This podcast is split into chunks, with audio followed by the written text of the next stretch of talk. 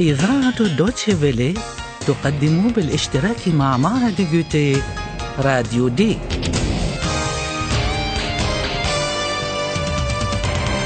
دورة لتعليم اللغة الألمانية. من تأليف هيغات ميزي.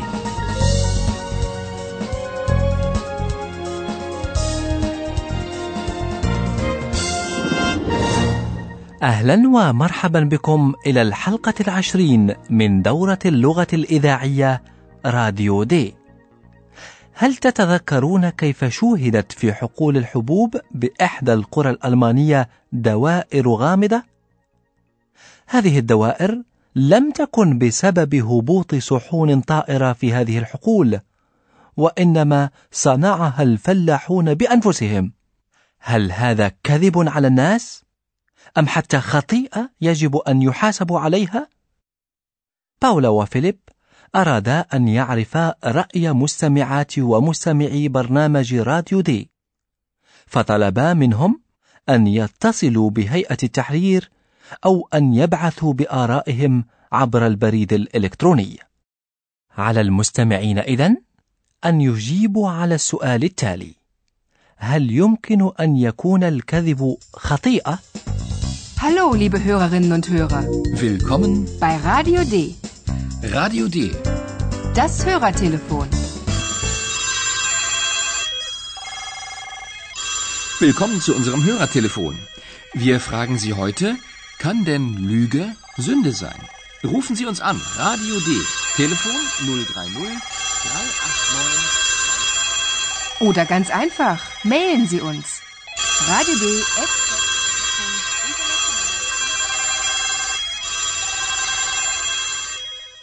موضوعنا اليوم إذن هو الكذب. لوغ والخطيئة. زند السيدة فريش هي أول مستمعة اتصلت بنا ورأيها واضح جدا. فهي تقول كان البعض ذكيا clever والبعض الآخر غبيا. dumm. من كان ذكيا؟ ومن كان غبيا برأي السيدة فريش؟ Und da ist doch schon eine Hörerin. Frau Frisch, was ist Ihre Meinung? Also wirklich. Mysteriöse Kreise von UFOs? Wer glaubt das denn? Also keine Lüge? Keine Sünde? Keine Sünde, keine Lüge. Die Bauern waren clever und die Touristen waren dumm. Mysteriöse Kreise von UFOs. wer glaubt das denn? ترى السيدة فريش إذن أن الفلاحين بوان كانوا أذكياء فيما كان السياح أغبياء Die Bauern waren clever und die Touristen waren dumm. سألت السيدة فريش من يصدق وجود دوائر غامضة سببتها صحون طائرة؟ Also wirklich. Mysteriöse Kreise von UFOs? Wer glaubt das denn? يفهم من طريقة سؤال السيدة فريش ونبرة صوتها وخصوصا حين تقول من يصدق هذا الكلام؟ أن السيدة فريش تعتبر الأمر كله هراء. بالتأكيد تتذكرون أن السيدة فريش الحازمة هي أم فيليب وهي معروفة باعتراضاتها. لذلك كان فيليب سعيدا بأنه لم يرد على مكالمتها. اسمعوا الآن مكالمة أخرى من السيد بيريني الإيطالي الذي لا يأخذ ما قام به الفلاحون على محمل الجد بل يراها كتسلية. أي مصطلح يستعمل السيد بيريني في التعبير عن رأيه هذا؟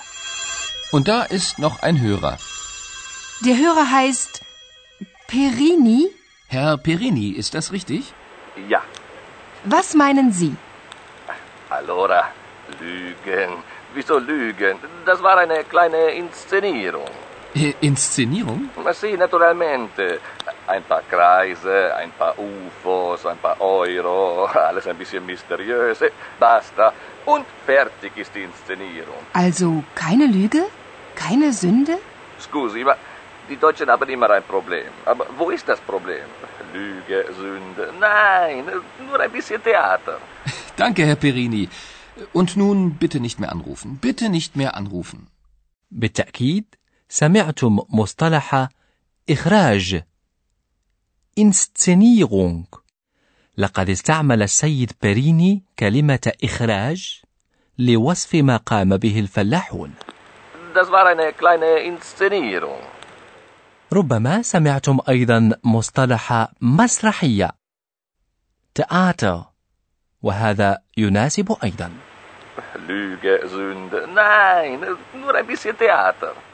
وحين سألته باولا ما إذا كان كل هذا كذبا أو حتى خطيئة وحين سألته باولا ما إذا كان كل هذا كذبا أو حتى خطيئة أشار السيد بيريني إلى أن الألمان دي دويتشن يرون برأيه دائما مشكلة في كل شاردة وواردة في حين لا يرى هو الأمر بهذه الطريقة Scusi, ma die Deutschen haben immer ein Problem. Aber wo ist das Problem?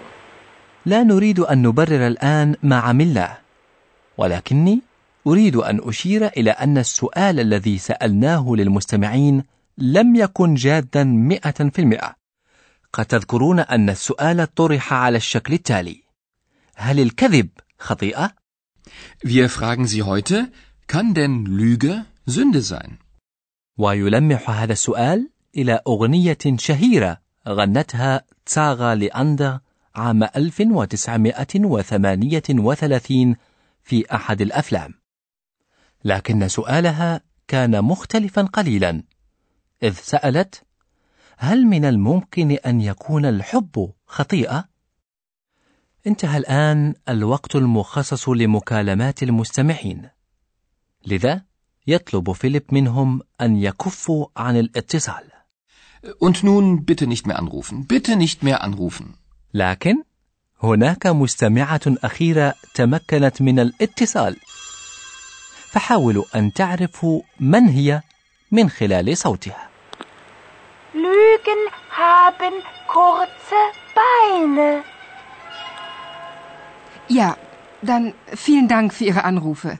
كانت أويلاليا هي المتصلة الأخيرة وكانت مشاركتها واضحة فقد استعملت المثل الألماني الذي يقول أرجل الكذب قصيرة والذي يقابله بالعربية حبل الكذب قصير Lügen haben kurze Beine. هل تستطيعون أن تتصوروا معنى هذا المثل؟ تصوروا أن للكذب أرجلا وبإمكانه أن يركض وبما أن الأرجل قصيرة فلا يستفيد الكذب منها لأنها قصيرة ولا تساعده في الهرب إذا معنى المثل الألماني أن المرأة لا يستفيد من الكذب ولكننا نحن مستمعاتنا ومستمعينا الكرام لا نطمح إلى الاستفادة من الكذب وإنما من أستاذتنا التي ستأتي إلينا الآن Und nun kommt unser Professor. Radio D. Gespräch über Sprache.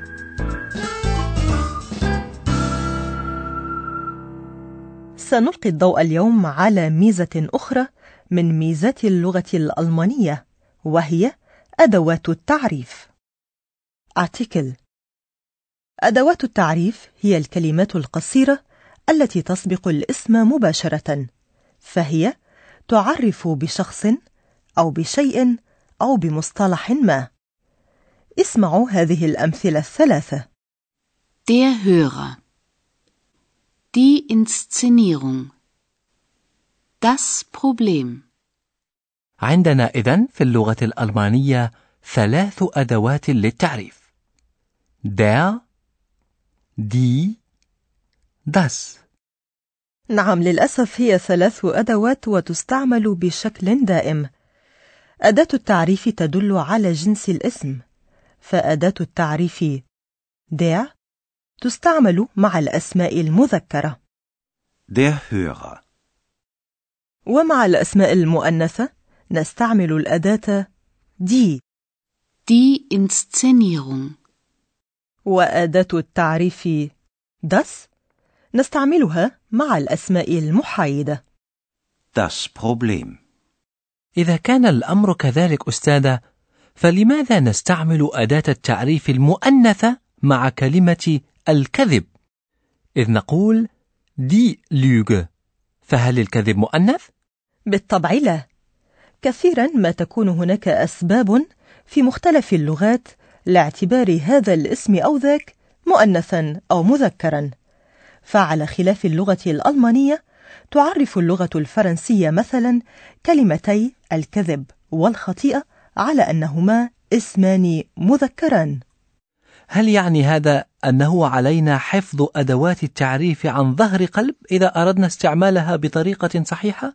نعم هذا أمر لا مفر منه ولكن كما تعرفنا على أدوات التعريف der, die ودس علينا أيضا أن نتعرف على أدوات التنكير أي الأدوات التي تستعمل مع الأسماء النكرة بمعنى آخر الأسماء غير المعرفة وهي بالألمانية ein و eine Ein Hörer. Ein Problem. Eine Inszenierung. ومتى نستعمل أداة التعريف أو أداة التنكير؟ هل هناك قاعدة أستاذة؟ نعم طبعا نستعمل أداة التنكير مع الأسماء غير المعرفة أي إذا تكلمنا عن شيء غير معروف أو ذكرناه للمرة الأولى فيليب مثلا يعلن عن مستمع ما قد اتصل إذا هذا المستمع غير معروف لا لفيليب ولا للمستمعين Und da ist noch ein Hörer. باولا حاولت إذن التوضيح أكثر وذكرت اسم المستمع Der Hörer heißt Perini. استعمال أداة التعريف بطريقة غير صحيحة ليس مشكلة كبيرة، أليس كذلك أستاذة؟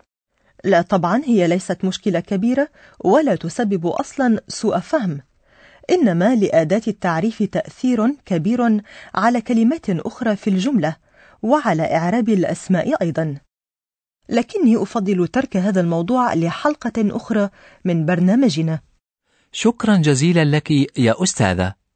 وفي الختام مستمعاتنا ومستمعين الكرام بإمكانكم أن تسمعوا الآن نص رسالة إلكترونية لمستمع آخر يجيب فيها عن سؤال راديو دي إن كان الكذب خطيئة.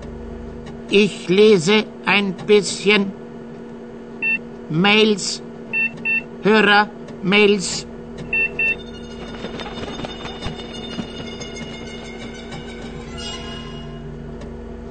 Ein Kreter sagt, alle Kreter lügen. Komisch. Alle Kreter lügen. Das ist ja direkt philosophisch. Aber das versteht er ja nicht.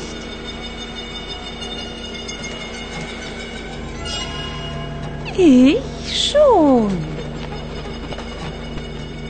Ich nicht.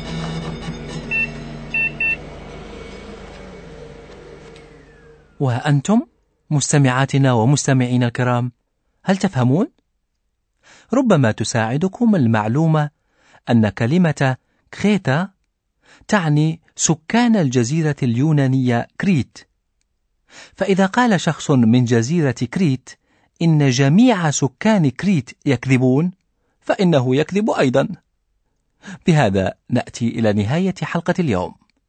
فإلى اللقاء.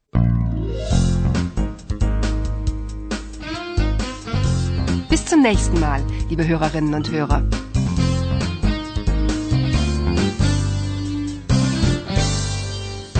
Und tschüss.